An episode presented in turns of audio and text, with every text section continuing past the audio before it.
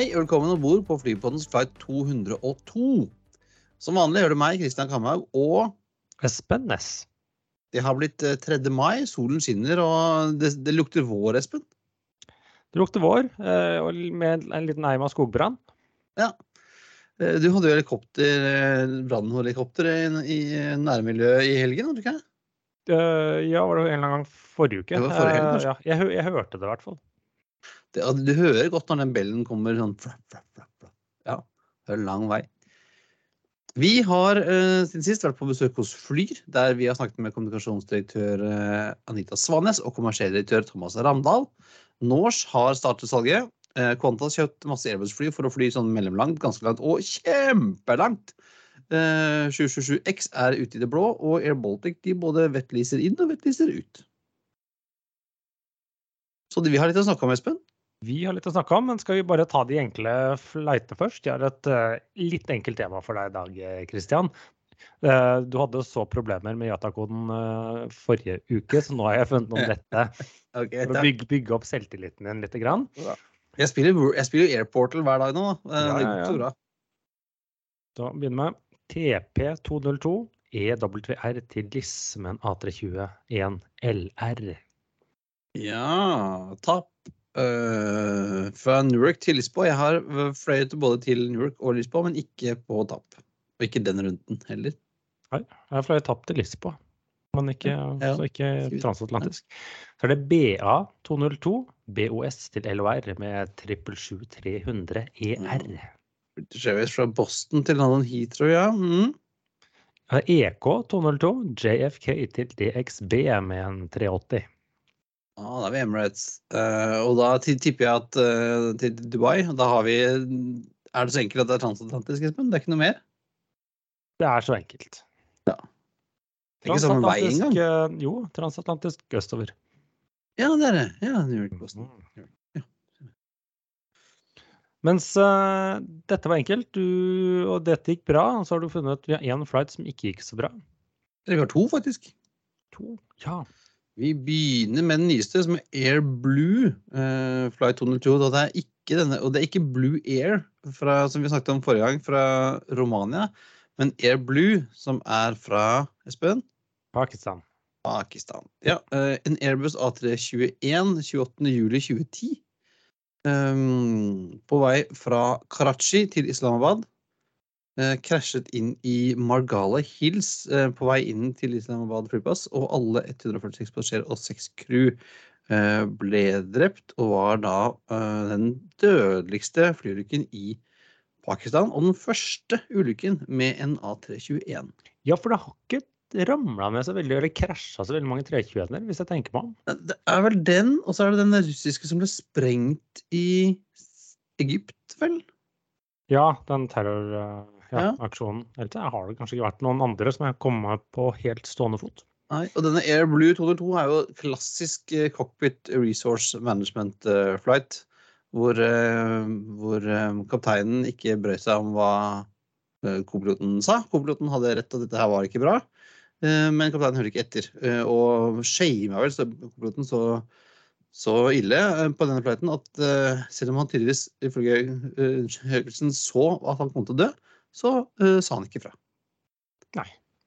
Så eh, det folkens, eh, hvis du tror at noen er på vei til, til å ta livet av deg, ta og si fra. Ja. Så og så- er det en, har vi en til. En gammel røver fra et flyselskap som stadig dukker opp på lista. Og det er ikke, vi snakker ikke Indonesia. Nei, og, og heller ikke Aeroflot. Dette her er Pan American Roll Airways flight 202.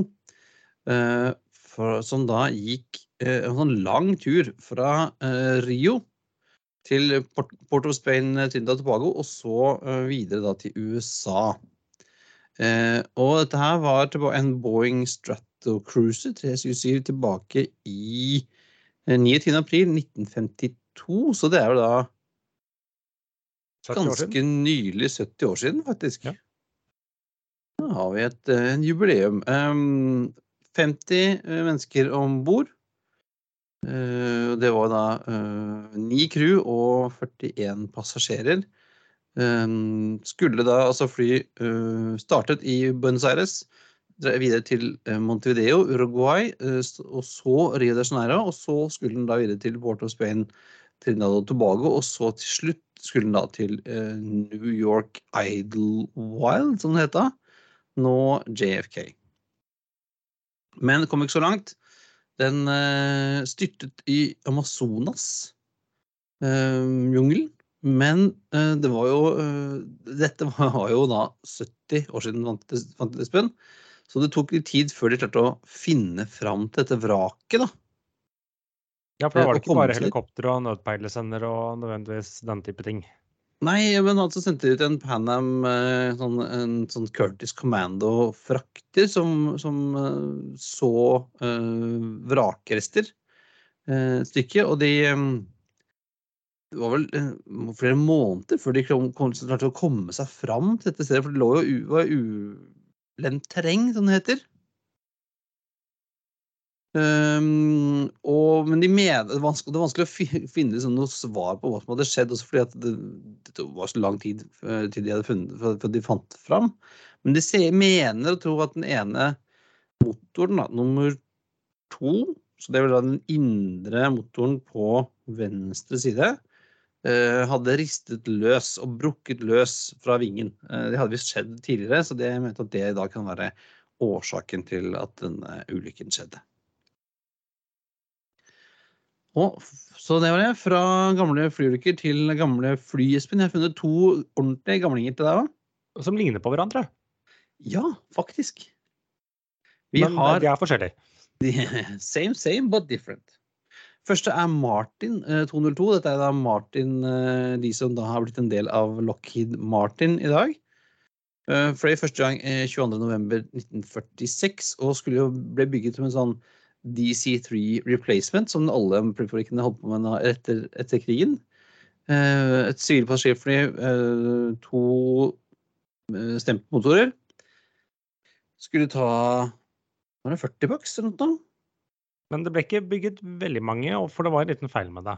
Ja, den var litt, Eller en svakhet. Den var en svakhet uh, ved den. Uh, vingen var ikke helt, ble, ikke, ble ikke helt bra. Uh, bare 47 stykker bygd fra 1947 til 48, og da um, bygde Martin heller en litt oppgradert versjon som er mer kjent, som heter Martin 404. Ja.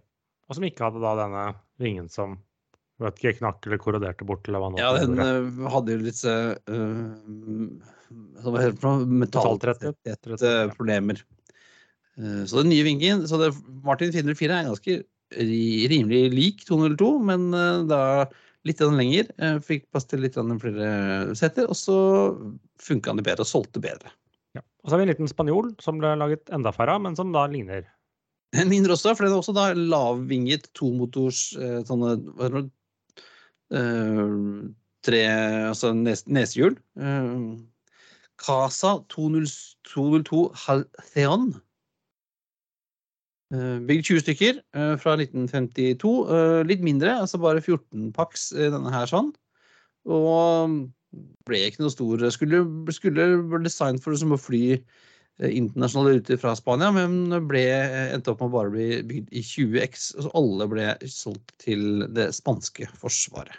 Og Casa i dag, det er jo en del av Airbus. Airbus. Så I tillegg til å bygge deler, så har du et par fly i produksjon. Sånne små transportfly.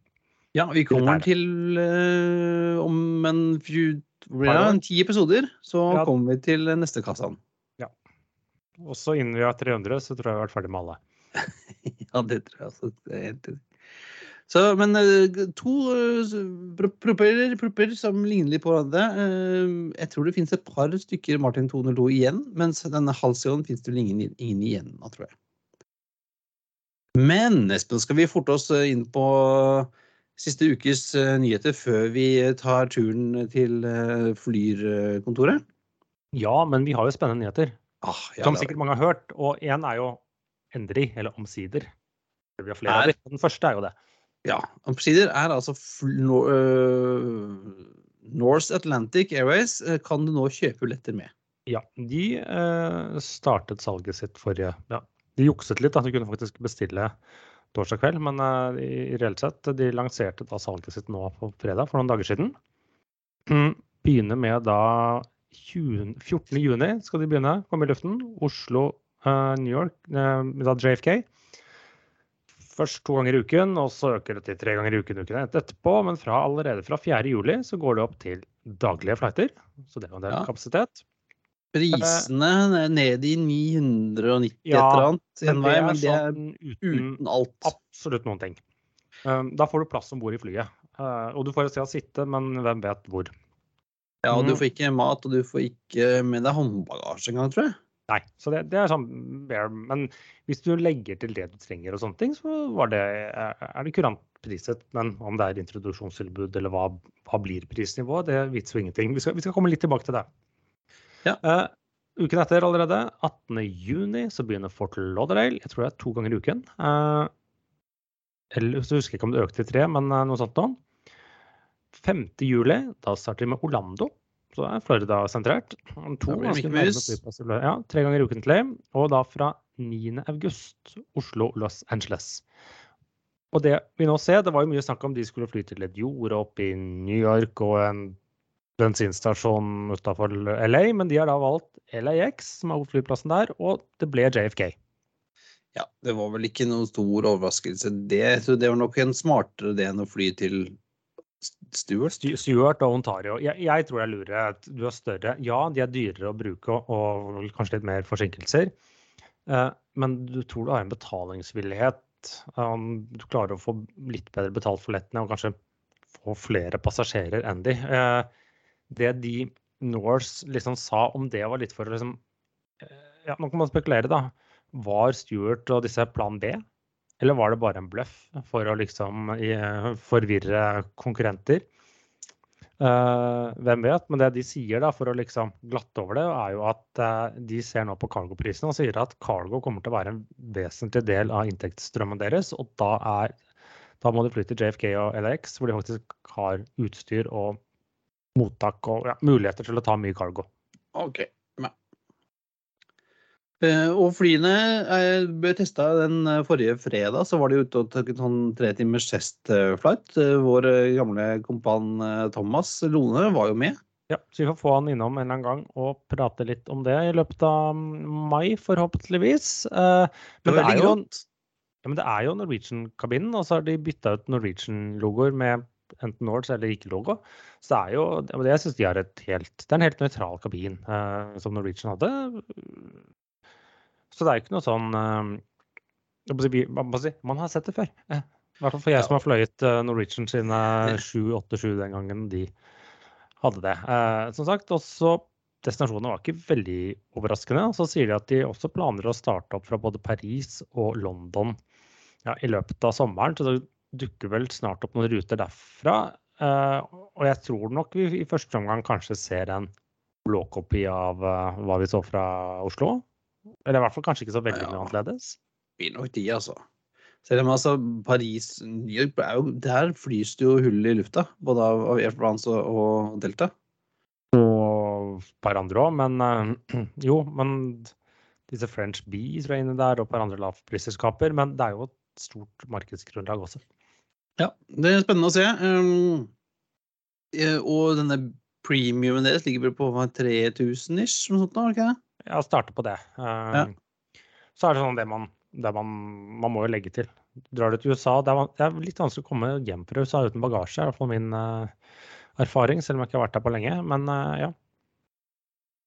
Ja, det også, ja så, så du må nok ha, slenge på litt greier, eh, tror jeg nok.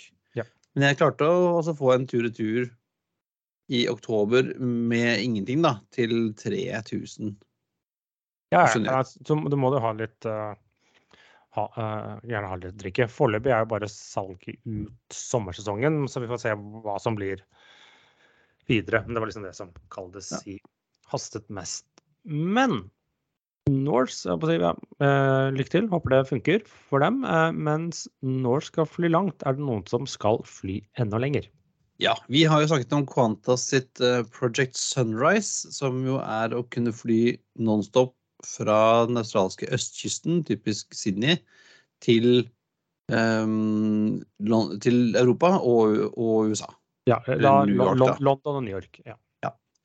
Eh, og det har det vært mye snakk om. Vi har, de har hatt disse testflightene sine og sånn, og nå har bekreftet de nå på mandag at det blir noe av. De hadde jo disse testflightene i var 19? Ja, og så var det jo De hadde kommet ganske langt, og Airbus hadde kommet ganske langt.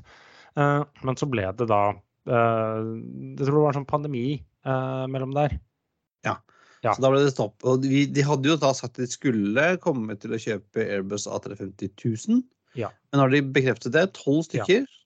Og det er jo en modifisert, litt modifisert utgave. Den har litt ekstra drivstofftanker og sånne ting. Og den vil da få kun 238 seter, som er relativt lite for storfly. Den får fire klasser, First og Business, som blir sånne suiter.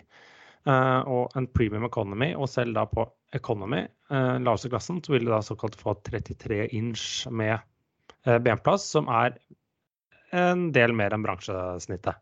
Ja. Um, og du, for du skal jo da fly i 20 timer? Rundt 20 timer. For det blir jo da verdens lengste flyrute når den kommer i gang. Ja. 12 350 000 er bestilt. Um, du sier ja, 238 seter. Eh, Ca. 300 har vel sånn type Singapore Airlines og den gjengen der, tror jeg. Så det er jo ganske litt mer plass. Så har de en sånn I midtkabinen der så er det en sånn wellness center. Ja, og det gjelder selv også for de på Economy. Det er sikkert noe sånn i business om de har et litt sånn ja, område hvor det, ja. alle kan komme og strekke litt på bena. Strekke litt på beina og puste litt luft. Ja. For de må jo også ha med seg litt, litt ekstra drivstoff her, og da blir det færre passasjerer. Ja, og jeg syns denne uh, First har jo um, uh, Sweets. Uh, ja, og businessen har Sweets, men har større suite på First. Ja, ja den, den, ser veldig fin ut med Du da får en seng og en stol og et mm. lite skap og en dør du kan lukke. Ja. Jeg hadde klart meg der i 20 timer, tror jeg. Ja, det, bare det var en avslapning, tror jeg, men det, ja. ja. Um, og så bekreftet de også da denne ordren fra uh, i, uh, Før jul så kom det jo med at de skulle satse på Airbus fremover, og ikke Boeing på deres kort og mellomdistanse. Så da bestiller de da 20 av disse Airbus A321 XLR for liksom lange regionale ruter, både inn i Australia og til nabolandene, for det har jo etter hvert en brukbar rekkevidde på det. Ja, for da kan du jo fly til, til Kina egentlig med de her, tror jeg. Ja, jeg tror omtrent. Ja, det er kanskje ikke så langt unna. Uh, og så 20 A220 som de skal bruke til å erstatte deres De har jo en del sånne 717-maskiner. Uh, ja. Kantas som flyr for deres regionale partner. Men de har også, Link. Ja, men de har jo også da kjøpsrettigheter på airbusser på enten til sammen 100 fly med disse, eller om det var 100 oppå dette. Så det er det de skal på sikt da sikkert erstatte 737-800 med, selv om de ikke liksom har uh, lagt inn bestillingen på det, for det er enda en del liv igjen i de maskinene dere har. Så det gir ikke å forhaste seg med å bytte de ut. Ja, og A220-ene har jo såpass rekkevidde, de også. De kan jo fly fra ethvert sted i Australia til ethvert annet sted i Australia. Ja, ja, ja det har det. Og, og det er jo lang, til dels lange avstander i Australia. Jeg husker ikke helt nøyaktig, men Sydney-Perth hvor jeg er Om ikke si det er fem timer, så tror jeg ikke det er langt unna. Ja, og det går jo fint, det med Nato 20, for det var 300 var det ikke det? Ja, så den største versjonen av det. Ja. Så de, også de øker kapasiteten litt, for den er jo en del større enn en 717. Ja, 717 eh, brukes jo Den har ganske kort rekkevidde, og den er jo, brukes jo på kortere ruter. Ja, så det blir jo nok en, eh, nok en på trynet til Boeing, da. Ja, og et fly som konkurrerte mot uh, denne her til Airbus. Uh, de var kanskje glad for at de ikke valgte den. Ja, for det, vi Boeings uh, 777X, eller 727-9, som jo da har vært uh, forsinket, forsinket, lenge, skulle jo være, vært i trafikk 20 eller 21? Ja. Uh, for en lang, god stund siden. nå sier Boeing at de regner med sertifisering i 2023 og første leveranse kanskje i 2025. Ja. Uh, og de, det kommer jo også en fraktrade. Kanskje ikke den blir like forsinket. Og så hvem vet om denne 7778 om den faktisk noen gang kommer. Den har jo begrenset med kunder, og er det liksom en appetitt for den? Ja, det er jo, det er jo frakteren der som har fått mest, mest interesse, tror jeg. Ja, men den er Ja, det er, det, det er kanskje bare eh, Jeg blir ikke overrasket at den åtte aldri blir bygget, og at det kun blir frakteren. Ja, så det er jo det har vært eh, Hva var det Boeings eh, tap eh, sist? Var det, var det 1,2 milliarder dollar? Milliard i kvartalet, ja, for de tapte på ganske mye. Men det var også andre programmer. Annet 767-tankeren gikk på en smell. Deres såkalte Air Force One, selv om det offisielle navnet egentlig ikke er det, eh, taper de masse penger på. Eh, ja, og så videre. Men det betyr jo også at eh, selskaper som da er, står på kundelisten for, eh, for denne 777-maskinen, de ser jo nå at oi, nå tar det lang tid før vi får flyene, så vi må pusse opp de vi har. For det er da Ja, Emirates. Emirates måtte jo da øh, fortsette å bruke øh, A380-ene litt lenger enn de hadde Ja. tenkt. De skulle pusse opp sånn røftlig pluss-minus 50 av dem egentlig, men om de har sagt at oi, nå må vi enda mer, så er det 67 av de 83-ene som har fått nye kabiner, for de kommer til å leve jo langt ut på 2030-tallet. Ja, og hvem, hvem vet når de kommer? I Det hele tatt, øh, det- har jo vært et dårlig år, kan man si. Eller dårlig, dårlig noen år for Boeing, med, først med 737 Max og Ja. Alle problemene de har hatt med, med Dreamliner siste året, på pro- prosenten av det, og nå Triple X. Ja, den er eh, jo 777, leveringer av De har sikkert levert den eneste Dreamliner nå, eller en 787 nå på halvannet år, og de håper å komme i gang eh, en eller annen gang eh, over sommeren. Eh, Maksene tikker ut, i det minste, i, i en strøm nå. Ja, det var sånn, de hadde vel 300, over 300 stående fremdeles, som de ikke har fått ut, tror jeg. Ja da, det tar litt tid å bygge seg gjennom dem. Så får man se om alle faktisk skal de noen gang bli levert, eller om de har stått så lenge at, at ingen har lyst på dem. Eh, men uh, alt er ikke bare er ikke, men Når da Boeing ikke klarer å levere nye fly, så har de klart klart å selge to haugamle fly nye, Espen.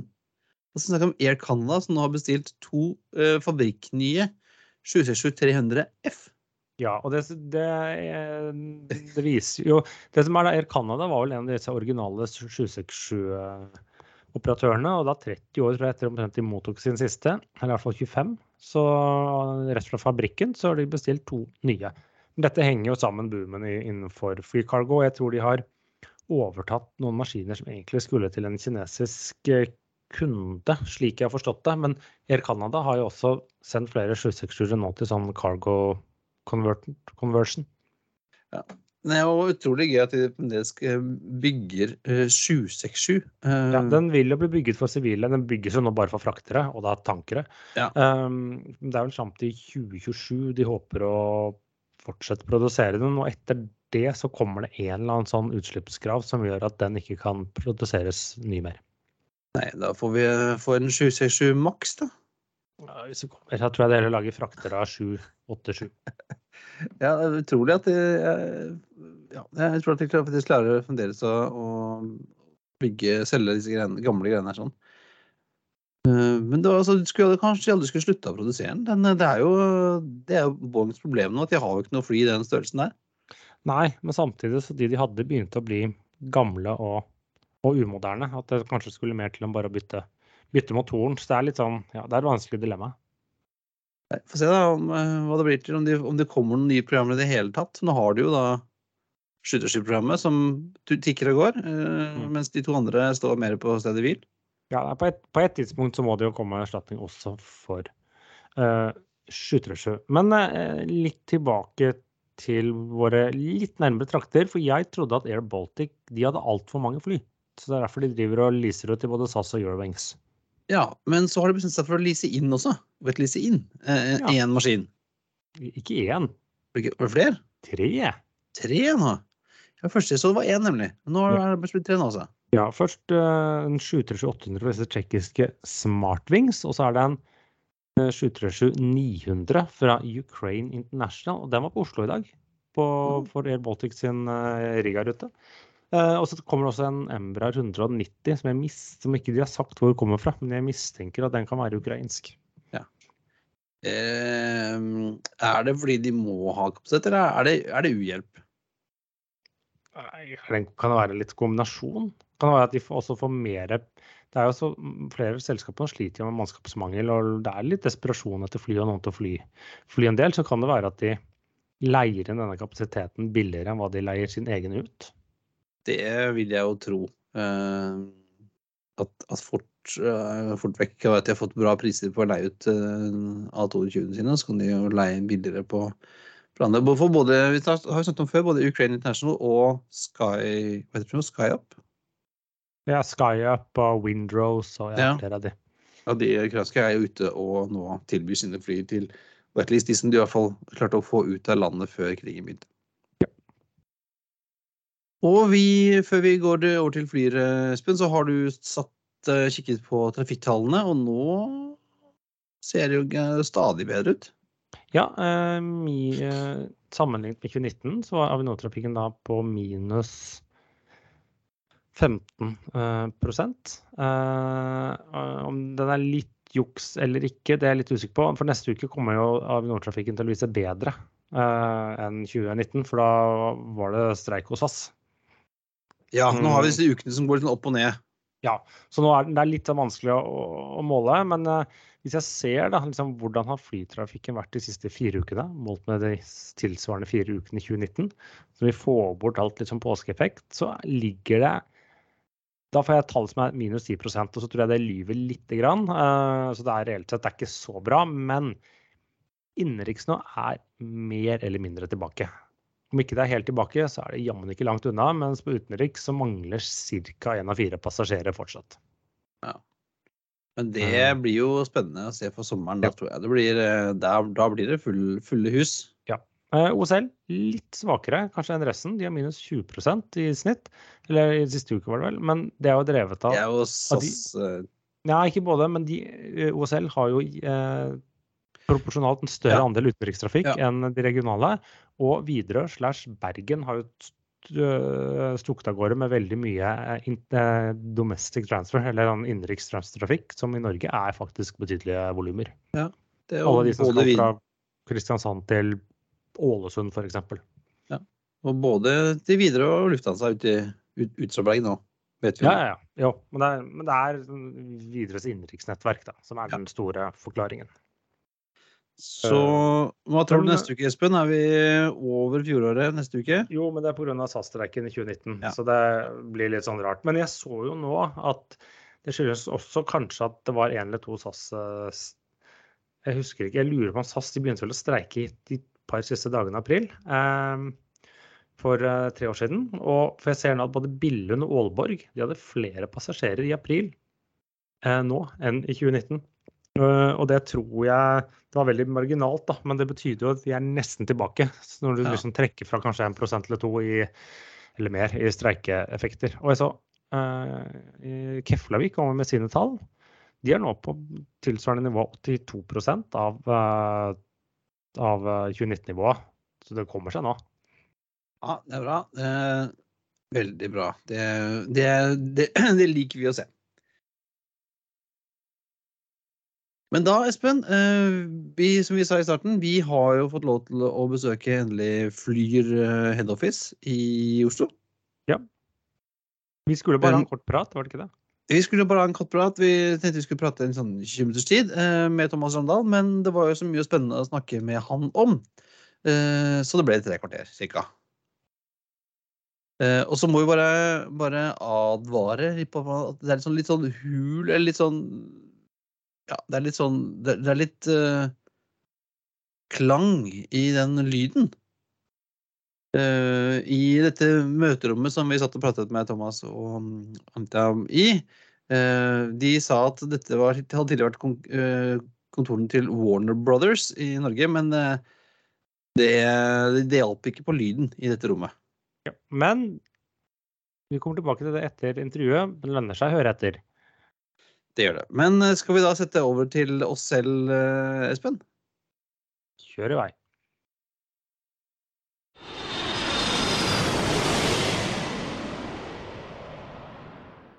Ja, Espen, da, da, har vi flyttet oss eh, fra vårt hjemmekontor til et annet kontor. Ja, vi er på plass hos Flyr og med Thomas Randal. Anita Sandnes. Hun sitter bare, hun, kanskje, hun sitter bare og passer på at ikke Thomas sier noe gærent.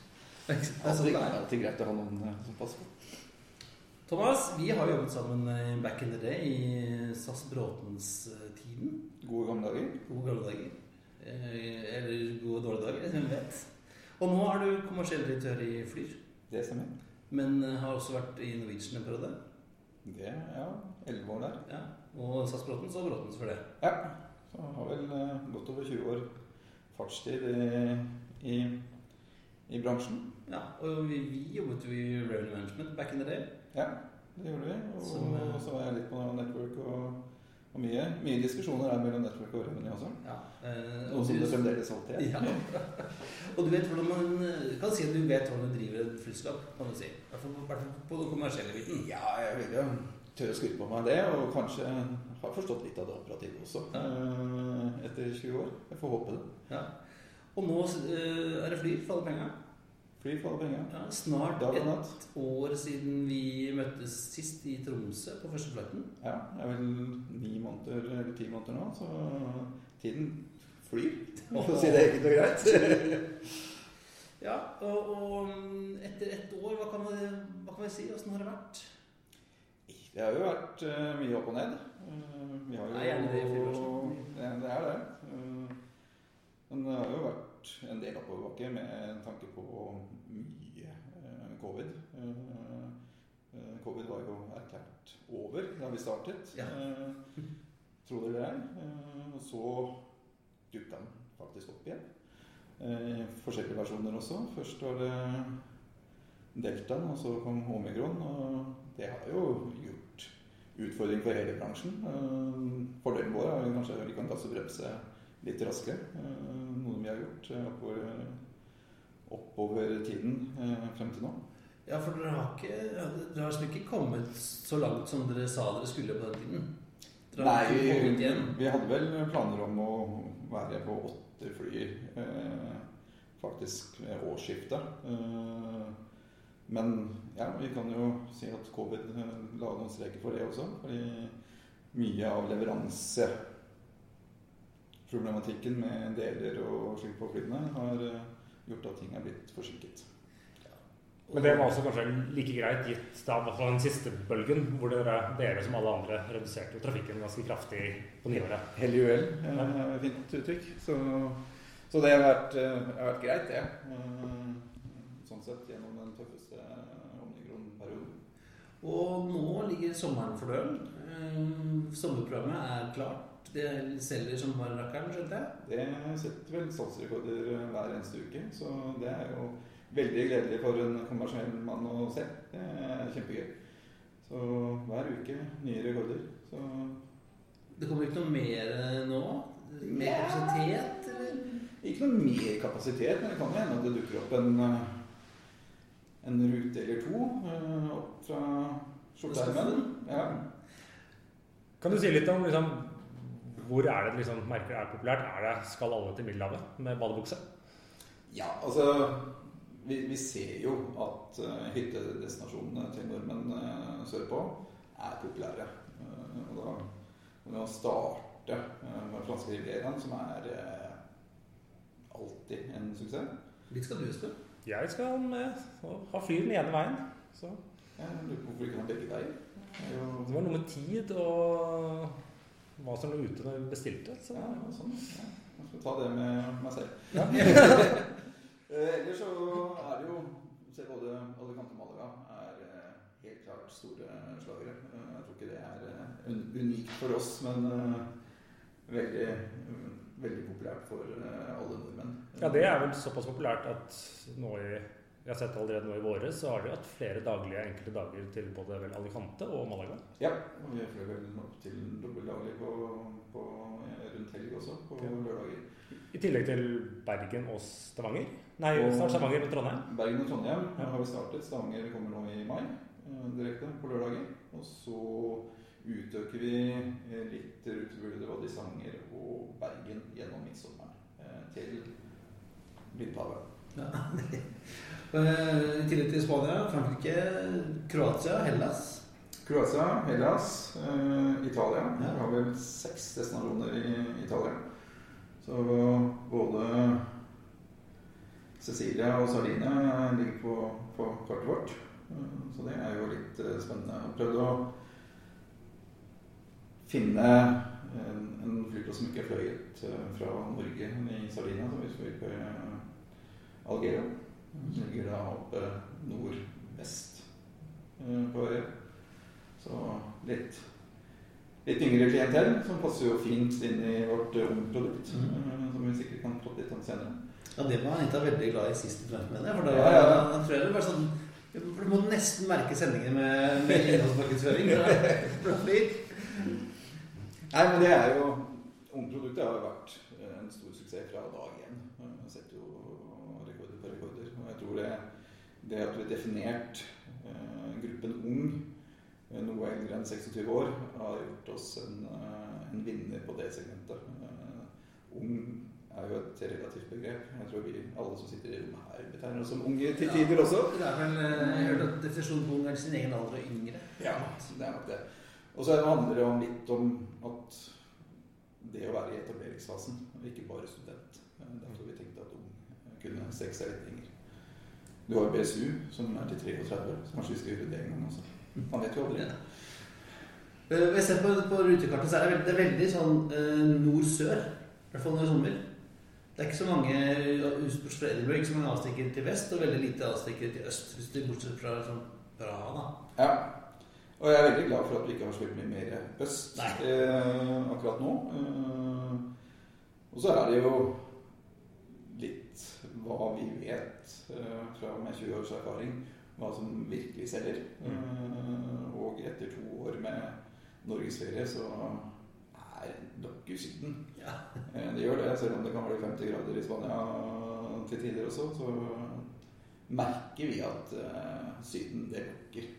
Ja, for Man ser jo det hvis man sammenligner med deres initielle si powerpoint-presentasjoner for et år tilbake. Ja. Så skal man alltid ta det som fasit. Men hvordan dere flyr nå, så er det jo da enda flere destinasjoner i det som på godt norsk kalles Syden. Eh, Holder dere borte fra Øst-Europa. Og relativt lite storby, selv om det er blitt litt av det også. Ja, så kan du definere storby. Det er jo Ja.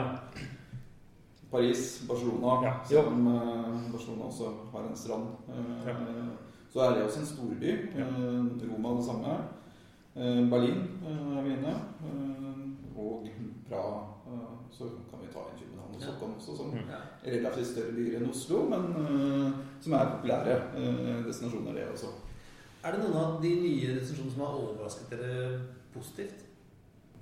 Altså av de nye som Av nye, nye du tenker på? Ja, eller ja, ja, eller alt er jo nytt for det, da. Ja, for, altså, Men noen av de som kanskje var overraskende for, for markedet, som ikke hadde hatt rute før.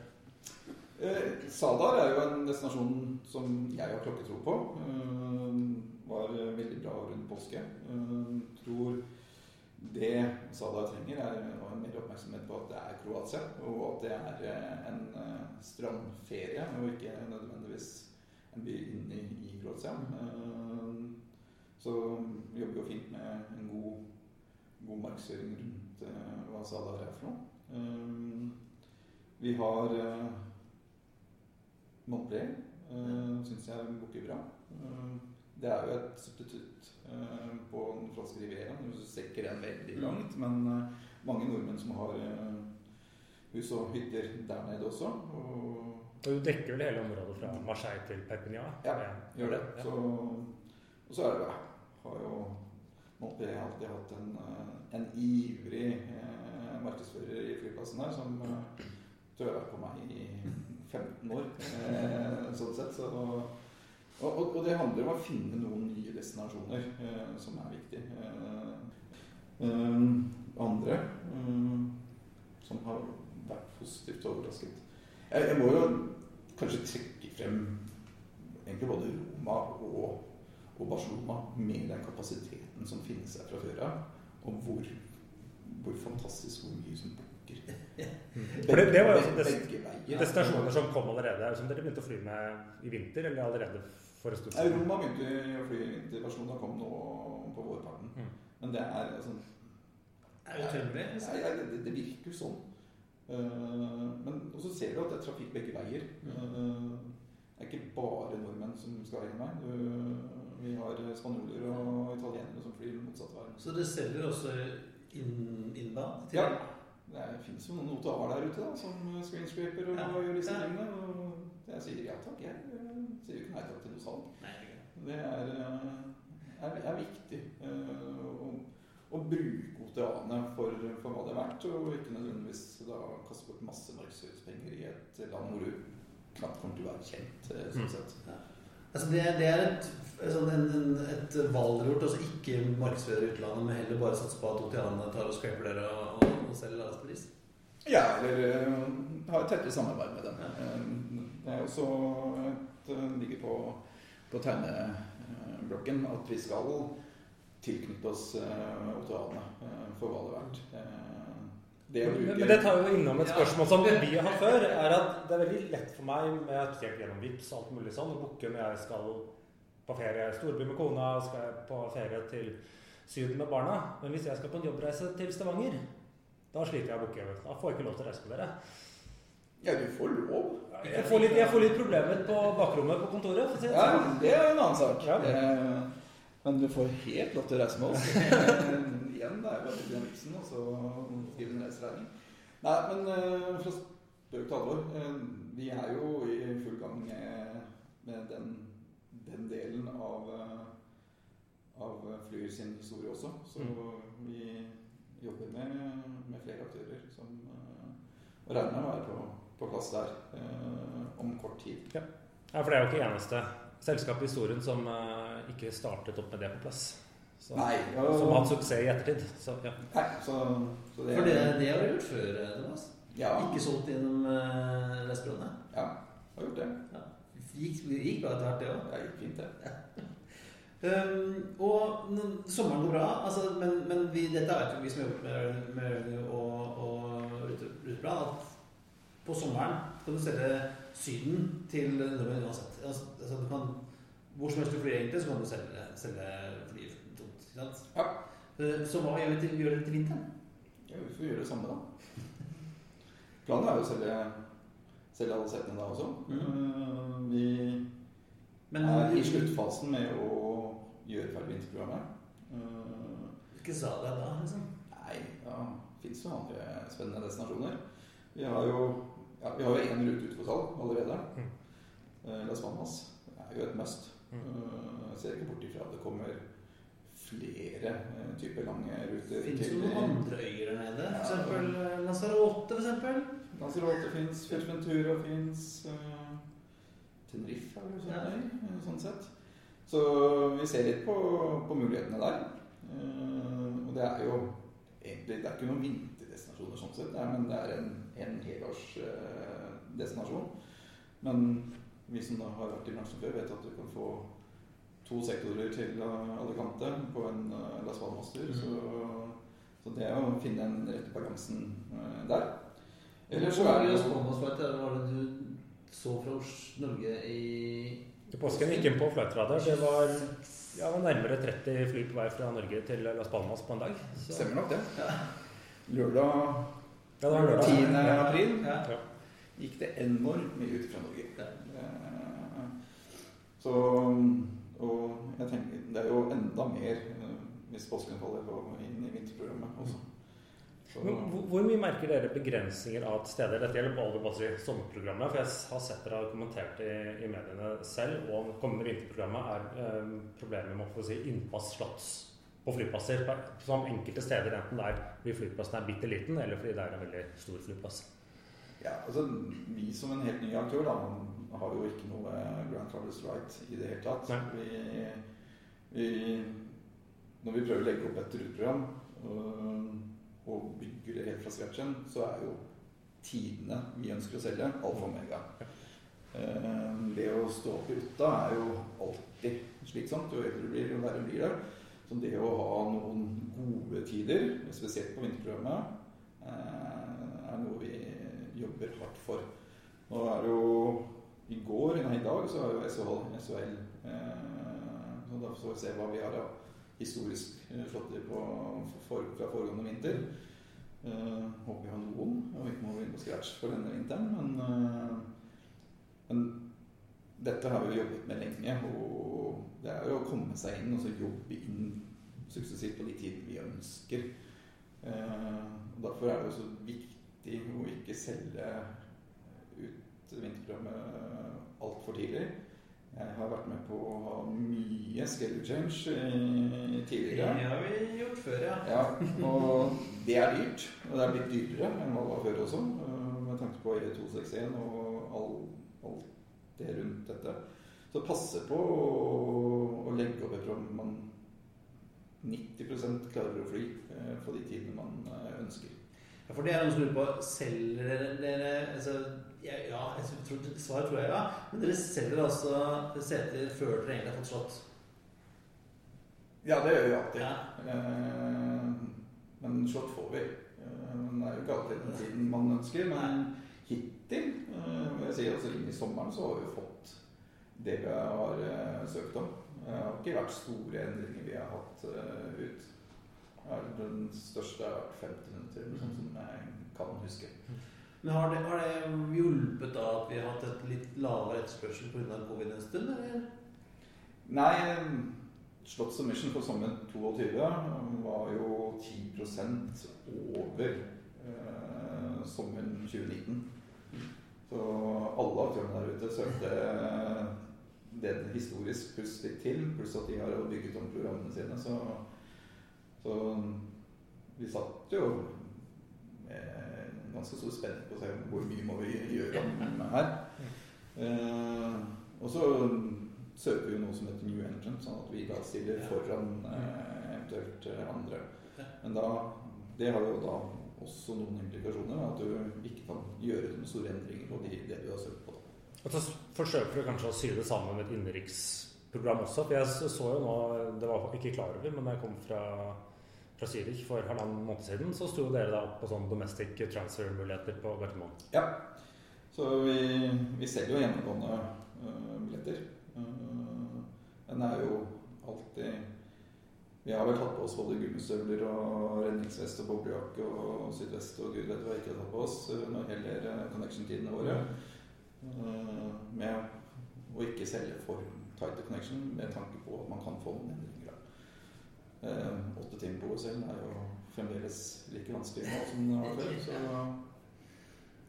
Eh, Men blir nå innenriksrute Altså innenrikstabellen blir nå også bedre? Eh, Vi kommer til til høsten og vinteren fordi at det blir mindre sydentur. Og dere har jo fremdeles da 8-12 fly som skal fylles. Ja, vi eh, fra august eller september så har vi tolv fly eh, i drift. Eh, Så vil nok se en styrking av innlandsprogrammet eh, med litt flere peak-avganger både på morgenen og på, på ettermiddagen. Det er iallfall det som er planen. Så, så får vi se hvor, eh, hvor, hvor to streker den den er. Eh, Fordelen for oss, vi har jo sagt det hele tiden, at vi skal jo fly der det er etterspørsel. Og hvis vi er nødt til å gjøre om programmet, så gjør vi jo det. Eh, innenfor rimelighetens grenser, så klart. Men eh, disse Power by the Hour-avtalene, de går ut nå, eller? De er vel ute så vidt jeg vet nå. Eh, Så da må dere begynne å fly flyene litt oftere da, enn dere hadde egentlig tenkt? Vi må fly Hele tida? Nei, eh, vi jager jo ikke eh, 13-14 timers utilization på flyene. Eh, Vi har en god balanse mellom crewutnyttelse og flyutnyttelse. Det er jo det er et skjæringspunkt eh, på hvor flyutnyttelse eh, krever mer crew. Så vi passer oss på at vi ikke når det punktet. Eh, Det er ekstremt viktig. Crew er også en, en dyr ressurs, her, sammen med fuel og, og fly. Og crewet de møtte vi når vi fløy til Tromsø. Veldig hyggelig. Vi fikk jo godtepose før vi dykket om bord. Men hvordan blir det om bordbyttet nå som covid er ferdig og man ikke trenger munnbind og man kan faktisk få mat og drikke om bord? Ja. Skulle gjerne sagt mye om, men jeg vet ikke. Eh, vi hadde jo et uh, Lagde jo et uh, crewprodukt, eller et uh, ombordprodukt med salg av mat. Vi kommer til å ha gratis vann, te og kaffe eh, fremdeles. Vi syns det å ha gjester om bord må jo by på noe. Eh, og er vel veldig godt imottatt. Eh, Jeg har ikke sett så mange lovord om akkurat eh, kaffe, te og vann på våre Facebook-sider i det hele tatt. Men det er noe som Det å føle at man får noe, Mm. litt, kall det litt som gammeldags flyreise, gjør at si. Og det syns jeg er kjempe, kjempefint. Så kommer vi til å ha, ha salg om bord og ha mat, og, og andre alkoholholdige drikker.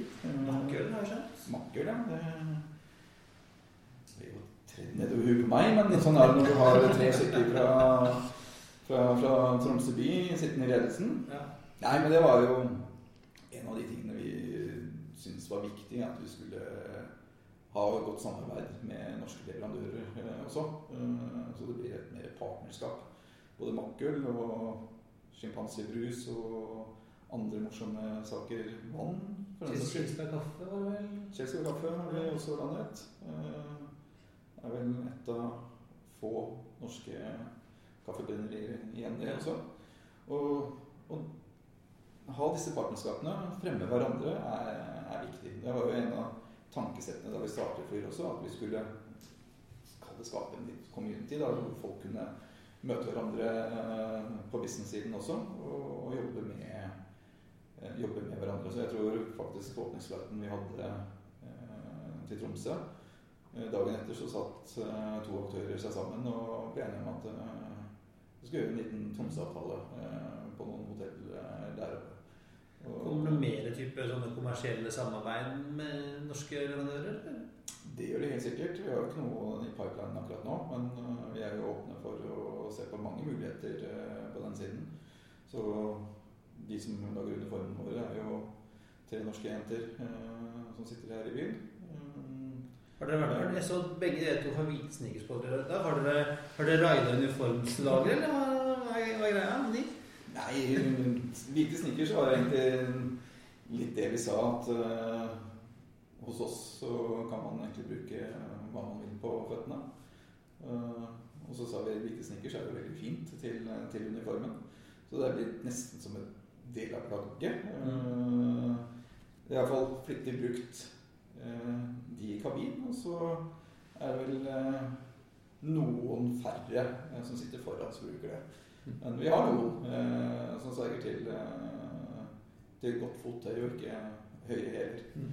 Eh, og så ser det litt eh, fresh og kult ut. Jeg har sett så faktisk noen andre selskap som også Ja. stilte opp av et bilde Lufthansa, syns jeg. Så Play kjører vel noe sånn lignende, tror jeg. Ja, men de snakker vi ikke om eh, Nei, når det kommer til passformen på uniformene deres, Christian. Så er det.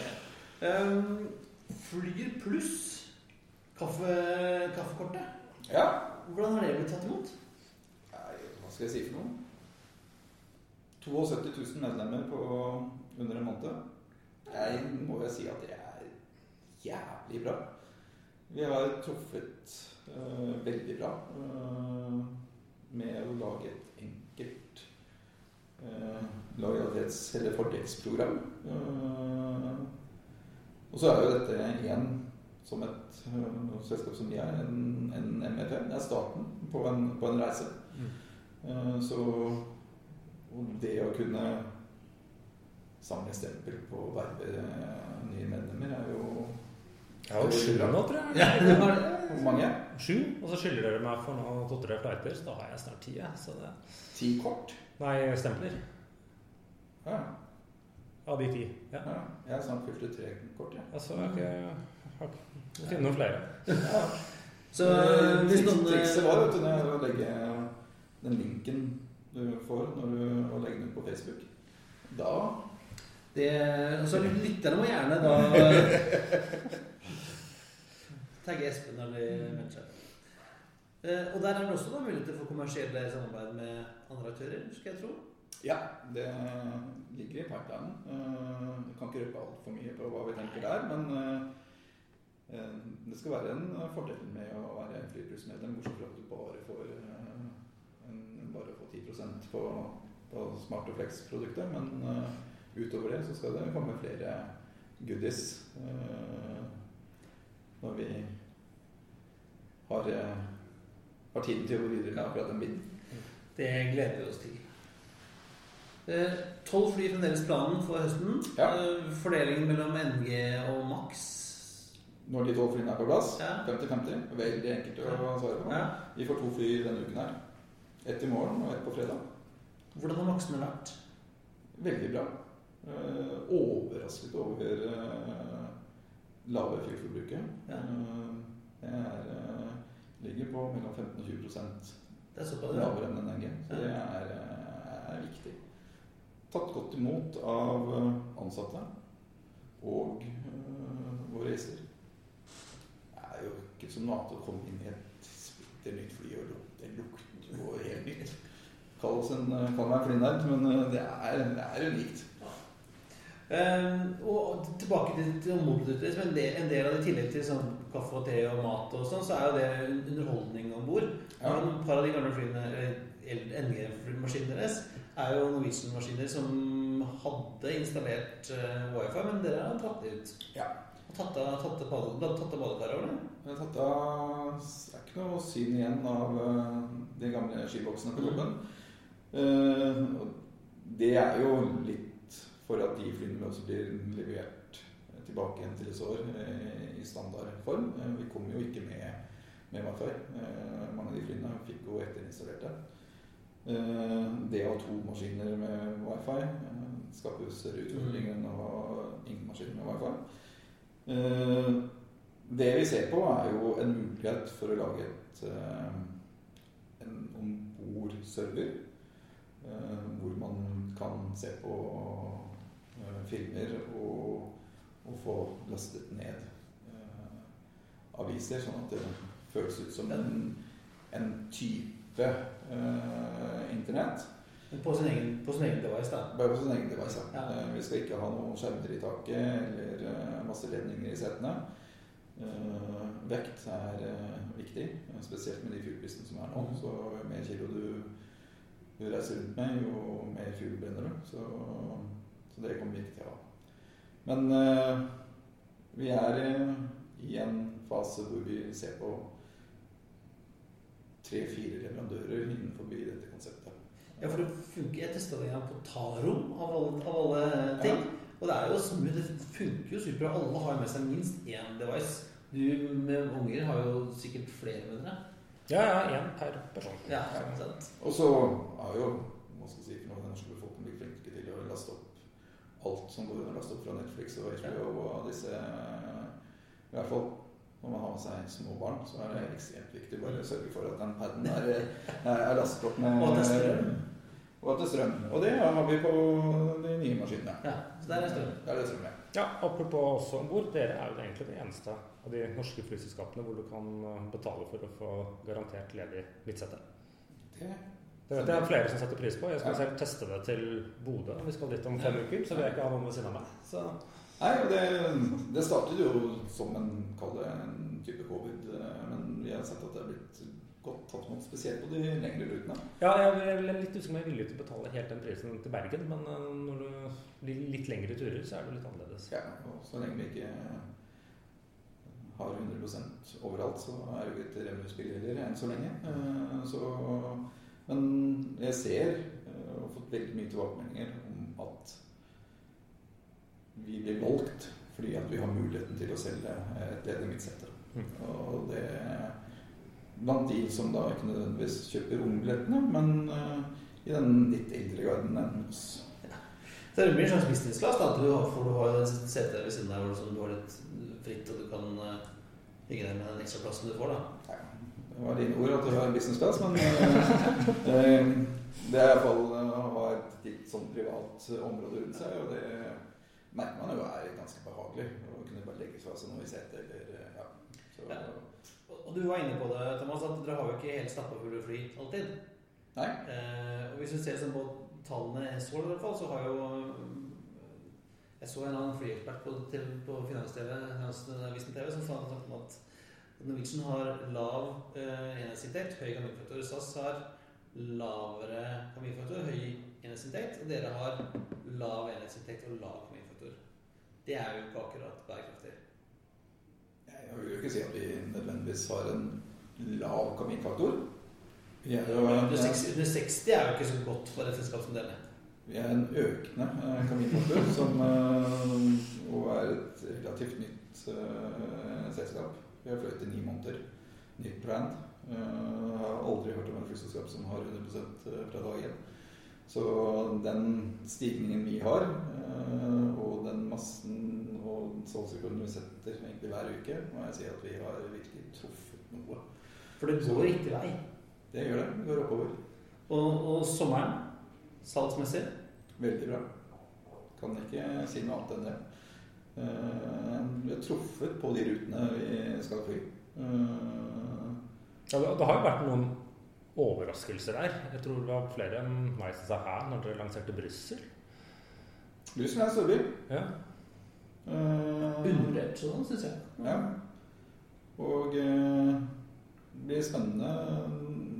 Bukker uh, relativt bra sett opp imot andre storbyer som vi har. Mm. Så og det er er mye ferie og fritid som vi ser komme inn på. Eh, er enormt bra.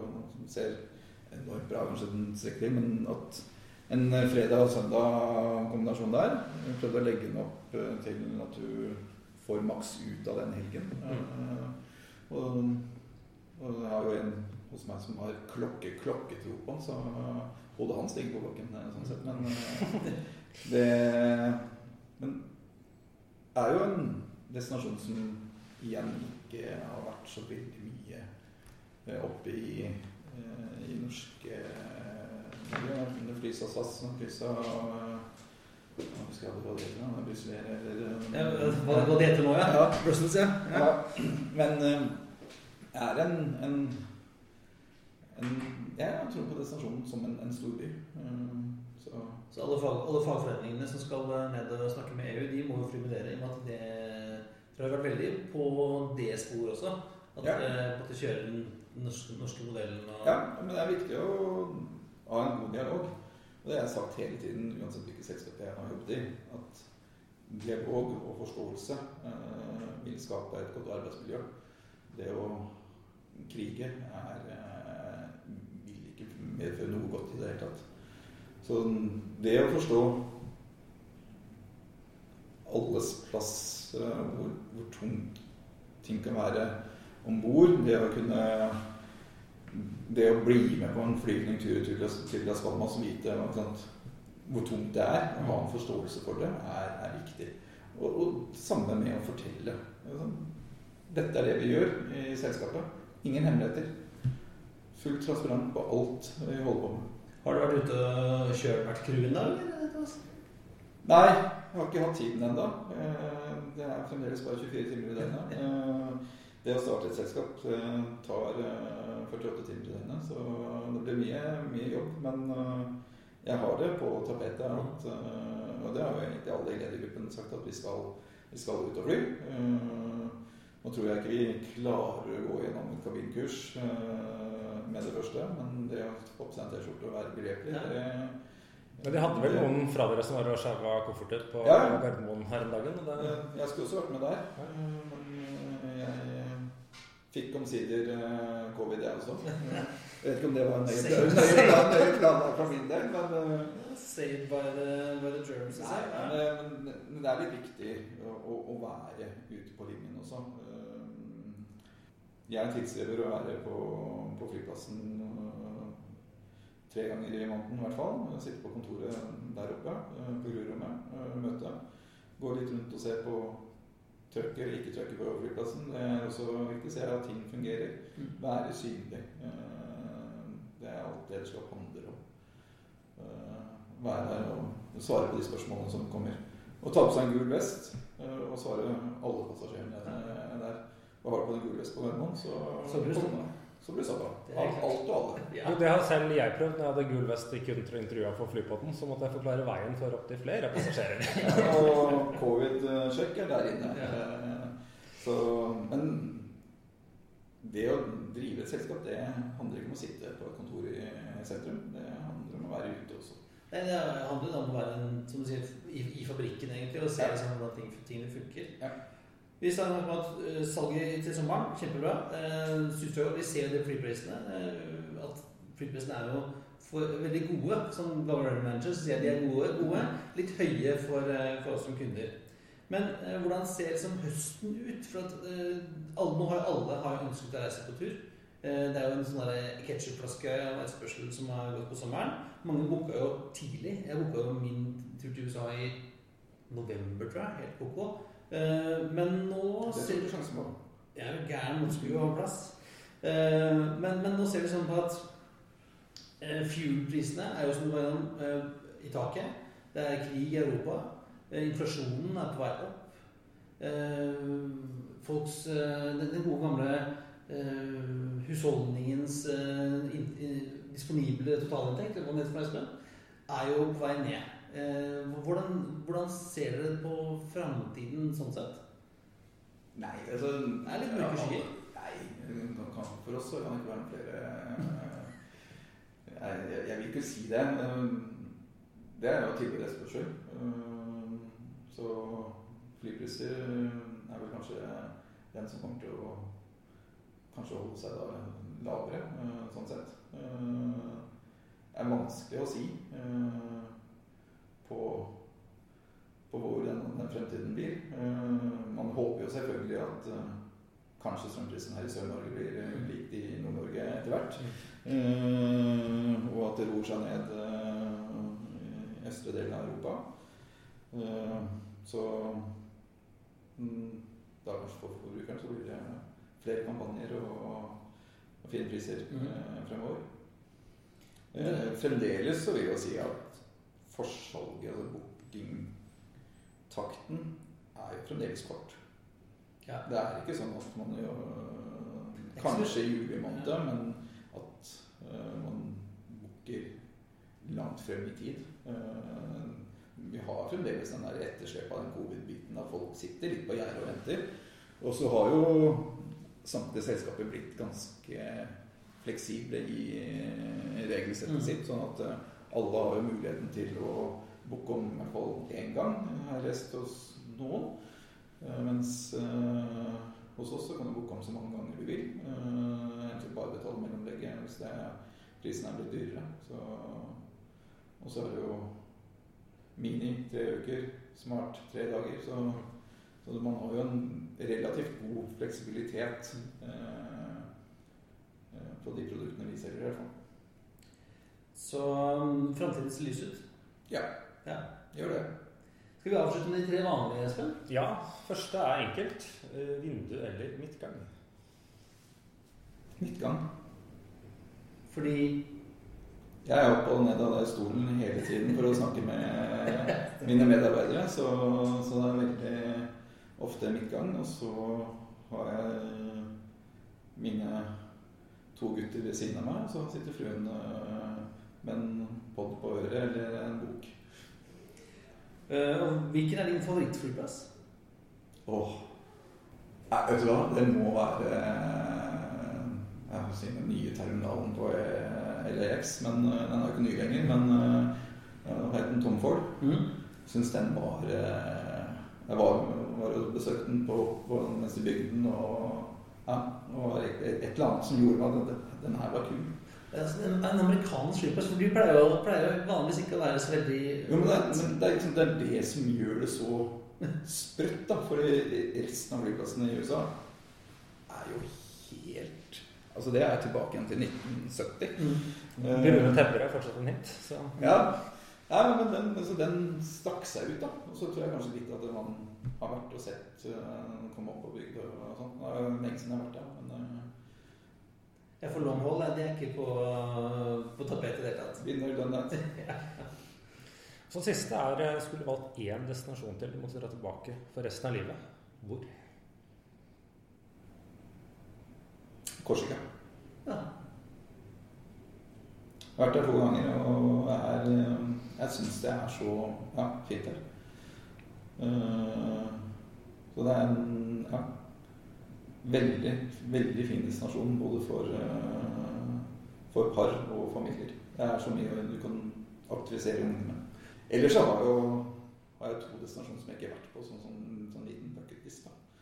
Og det er eh, ta, ta frem den unge meg, Ibiza, og jeg har lyst til å besøke. Er du litt for gammel for USA, Thomas? Ja, ja, men så kan jeg stikke over til den øya rett, rett syd, eh, Formentera, Mm. som også syns jeg ser eh, litt eksotisk ut. Det er jo bare en lang strand Mm. med noen bygninger på. Så hvis jeg skal holde meg innenfor eh, for Europa, Mm. noe som jeg har tenkt å gjøre. Det er godt. Men da sier vi tusen takk, eh, Thomas, for at du er eh, var med på Flypoddens Det er nesten sommerintervju, kan vi si det? Ja. Ja. Så lykke til. Vi følger Flyr med spenning framover. Og venter spent på nye destinasjoner. Og gode produkter og alt mulig rart.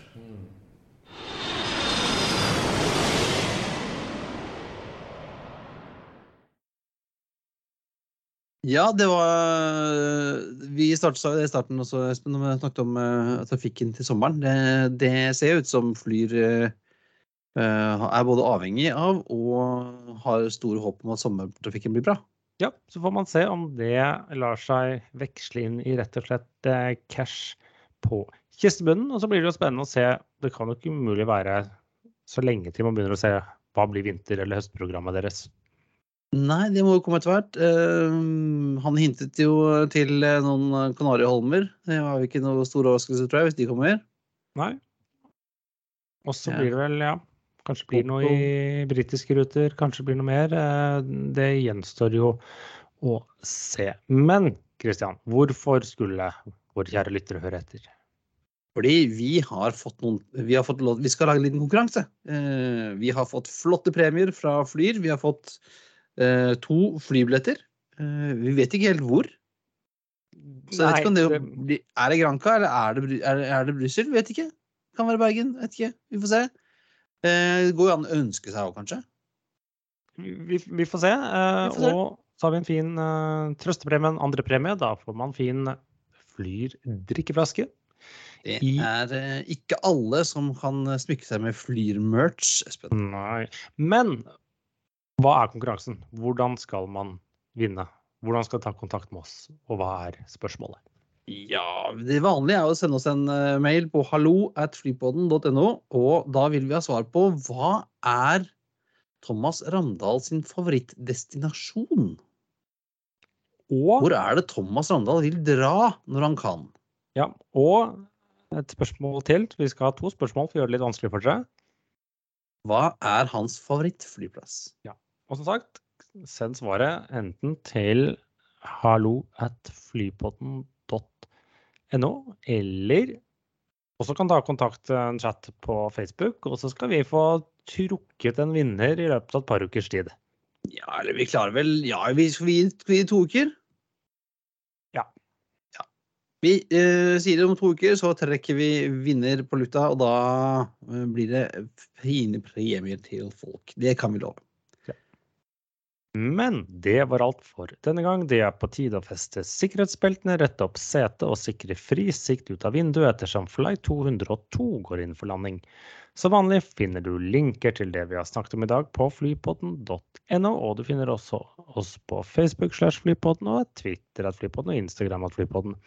Har du spørsmål eller vil du invitere oss på flytur eller sponse oss, så er det bare å sende oss en mail på hallo at flypodden.no, hvor også svarene for dagens konkurranse kan sendes. Ja, og skriv gjerne hvor du ønsker å dra. Det er også å se hva som skjer. Så ser vi hva som skjer. Vi, vi kan ikke love noe, men vi får se. Vi får se. Nei. Ha det. bra. Flying with us today. We truly appreciate your business and look forward to serving you on a future flight.